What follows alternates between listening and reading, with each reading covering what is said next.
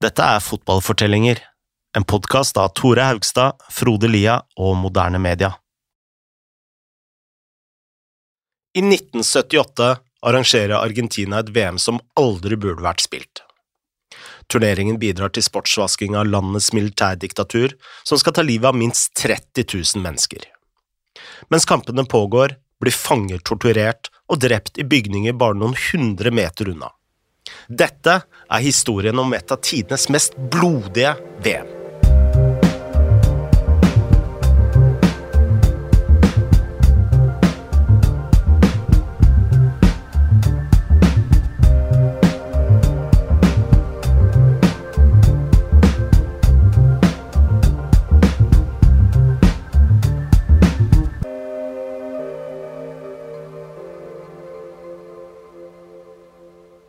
Det var lenge en drøm for Argentina å arrangere VM. Rivalene i Uruguay hadde fått sin første turnering allerede i 1930, før Brasil fikk lov til å by verden hjem på fest i 1950. Argentinerne hadde ventet på sin tur helt siden 1938, og det hadde ikke hjulpet at både Uruguay og Brasil hadde vunnet hver sin tittel. Da Fifa kalte til kongress i London i 1966, fikk de endelig ønsket sitt oppfylt. Argentina skulle arrangere VM i 1978, altså tolv år inn i fremtiden. Det virka som nok av tid, men så ble Argentina tatt over av militæret. Fra 1966 til 1973 ble landet styrt av en rekke militære ledere, uten at VM-forberedelsene gikk særlig fort. Innen starten av 70-tallet var landet både i politisk og økonomisk kaos, det var streiker overalt, og arbeidere okkuperte fabrikker. I 1974, altså åtte år etter at Argentina hadde fått mesterskapet, hadde nesten ingenting av VM-forberedelsene blitt gjort. Argentina ønska å bygge tre nye stadioner og pusse opp to anlegg i Rosario og Buenos Aires. De ville også oppgradere veier, flyruter og telekommunikasjon over hele landet. Hvor pengene til dette skulle komme fra, var ikke like tydelig. Men i et så kaotisk land var det ingen som fikk noe på plass. Innen 1975 hadde Argentina hatt fem ulike VM-komiteer som alle hadde kommet til kort. Da Fifa kom for å inspisere forberedelsene og liksom sjekke hvor langt eh, unna Argentina var et eventuelt VM, så ble de vist en park hvor de ble fortalt at her skal det komme en stadion til VM. Så langt bak hang Argentina at Fifas president Stanley Roose vurderte å få med både Montevideo og Porto Alegre sør i Brasil som ekstra byer, eller å bare gi hele mesterskapet til Spania. Akkurat idet Argentina trengte mer stabilitet, ble situasjonen enda verre.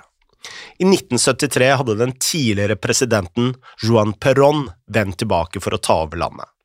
Han hadde vært president i to perioder, fra 1946 til 1955, før han hadde blitt tvunget i eksil i Spania. Nå tok han tilbake makten i et land preget av streiker, voldelige opptøyer og politiske grupper som ble stadig mer radikale. Disse inkluderte deler av hans egne velgere. Da han landa i Buenos Aires, ble en gruppe venstreorienterte velgere plaffa ned av snikskytere fra høyresiden. Dette satte tonen for de neste årene i Argentina. Perón hadde bare hatt makta i ett år før han døde i juli 1974, i en alder av 78. Han ble erstatta av sin tredje kone, Isabelita, som hadde jobba som danser i en nattklubb i Panama da hun møtte Perón.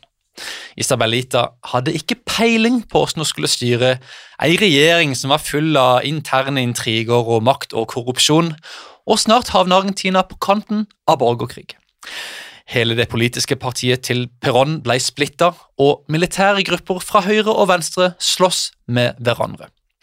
Selve staten bevegde seg til høyre og slo voldelig ned på demonstranter og fagforeninger. Snart steg inflasjonen til over 300% I februar 1976 ansatte Isabelita sin sjette økonomisjef på mindre enn to år. Nå ble politikere og aktivister regelmessig drept. Jonathan Wilson skriver at innen mars det året gikk da en bombe i Buenos Aires hver tredje time, og det var et politisk motivert drap hver femte time. Døde kropper ble lagt igjen i gatene i Buenos Aires som en advarsel til andre. Samme måned eksploderte en bombe i parkeringsplassen utenfor militærets hovedkvarter i Buenos Aires. Én ble drept, og 29 ble såra. Da hadde hæren fått nok. Den 24. mars tok de makten fra Isabelita i et kupp. Argentina var tilbake i militærets hender. Og akkurat dette diktaturet var mer voldelig enn noe annet. Det ble kalt La Junta, og den nye presidenten ble Jorge Rafael Videla, som hadde vært kommandør i hæren før, og som hadde vært heldig som slapp unna bilbomba i livet. Allerede før dette hadde Videla sagt at så mange folk må dø som er nødvendig for at Argentina igjen skal bli et trygt land. La Junta var en samling av militæret, politiet og ulike politiske grupper på høyresiden. Dette regimet satte i gang det de kalte Prosessen, som var en plan om å knuse all form for opposisjon med alle mulige midler. De stengte Kongressen og suspenderte alle politiske partier. Rettssystemet ble lagt ned, og pressen ble tvunget til å spille på lag. Så gikk regimet ut etter alle som hadde gitt dem motstand, eller alle som kom til å gi dem motstand. Politikere, lærere, studenter, arbeidere, doktorer, journalister og ikke minst fagforeninger. Den samme dagen som regimet tok makta, ble flere hundre medlemmer fra ulike fagforeninger ført ut på båter og skutt. La Junta kalte dette den skitne krigen, altså et blodig oppgjør som de anså som nødvendig for å skape stabilitet i landet. De var spesielt nådeløse mot Montoneros, en urban geriljagruppe på venstresida. Men alle fra lærere til journalister ble arrestert, torturert og ofte drept. De fleste forsvant uten spor, og det er beregnet at minst 30 000 mista livet. Selv mødre og barn ble kidnappa av regimet. Regimets økonomiske plan var å stramme inn overalt, og noe som skulle føre til lavere inflasjon og høy arbeidsledighet.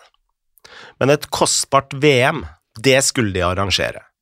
Selv om Videla ikke kunne brydd seg mindre om fotball, så forsto han det mange tyranner hadde gjort før han, og som flere skulle gjøre siden, nemlig at fotball er et perfekt PR-redskap for å legitimere en stat for resten av verden så regimet satte opp en ny komité som skulle organisere VM. I en økonomisk krise skulle VM koste Argentina 700 millioner dollar, altså en tidel av det nasjonale budsjettet.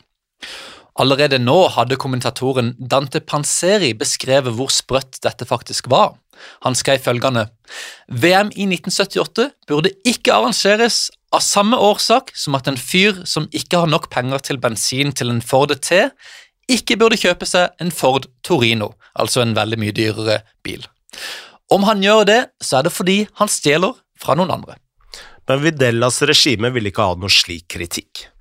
Sjefen for VM-komiteen var Omar Aktis, og da han var på vei mot sin første pressekonferanse, var han forventa å kritisere de høye kostnadene.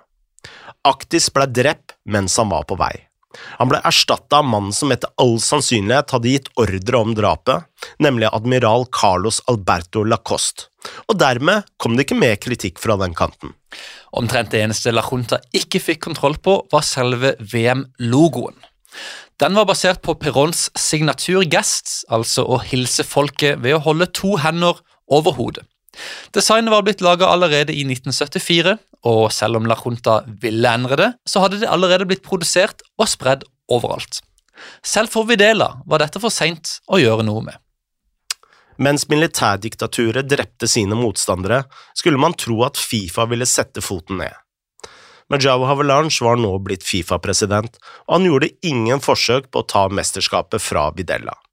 Fifa gjorde heller ingen forsøk på å etterforske alle de ulike bruddene på menneskerettigheter.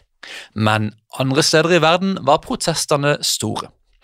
Internasjonal presse rapporterte om fanger som ble dopa ned, satt på fly og kasta levende ut i Atlanterhavet.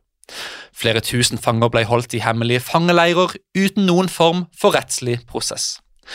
Både menneskerettighetsorganisasjoner og politikere i Europa oppfordra til boikott av VM. Amnesty holdt tall på antallet mennesker som var forsvunnet og drept, og de drev en kampanje som sa ja til fotball, nei til tortur. De skrev følgende Sport kan ikke skilles fra politikk. Stadionene i Argentina kommer kanskje til å virke rene, respektable og siviliserte, men det ekte Argentina, som vil bestå av fengsler, tortur og represjon av all politisk motstand, vil bli nøye bortgjemt. Begrepet fantes ikke da, men dette var definisjonen på sportsvasking. Amnesty var ikke alene.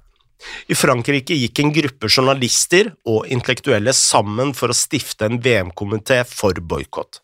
De drev en kampanje for å overtale det franske landslaget, som for øvrig hadde Michel Platini i spissen, til å si nei til mesterskapet. De vil også ha med seg Spania, Italia, Sverige, Nederland og Skottland. De tegna opp plakater, ga ut hefte med informasjon og sa følgende til verden. Vi burde ikke spille fotball midt mellom konsentrasjonsleire og torturkamre. Men til tross for mye diskusjon var det ingen land som faktisk boikotta VM. Den eneste spilleren som gjorde det, var Vest-Tysklands Paul Breitner. Det var også snakk om at Johan Cruyff sa nei, men uh, han forklarte senere at han sto over mesterskapet fordi han og familien hadde blitt utsatt for et kidnappingsforsøk hjemme i Barcelona. Og Fifa de sto på sitt da de ble tilbudt en rapport fra Amnesty om brudd på menneskerettigheter i Argentina, nekta de å i det hele tatt ta han imot. Samtidig hyrer Argentinas regime inn det amerikanske PR-byrået Børsen Marsteller for å renvaske sitt internasjonale rykte. Byrået kom opp med slagordet 'Vi argentinere er rettmessige og humane', altså et positivt spill på ordet menneskerettigheter. I 1977, nøyaktig ett år etter kuppet, publiserte journalisten Rodolfo Walsh et åpent brev til regimet. Han skrev om 15 000 som var forsvunnet, 10 000 fanger, 4000 døde og flere titalls tusen i eksil. Han skrev at mellom mars og oktober i 1976 hadde minst 25 lik vaska opp på strender i Uruguay. Dagen etter at brevet ble publisert, ble Walsh skutt og drept. Her skulle det altså arrangeres VM neste år, og ansvaret for å føre Argentina til seier gikk til en trener som var en liberal bohem, og som var på den politiske venstresiden, og som ikke minst hata alt det diktaturet sto for.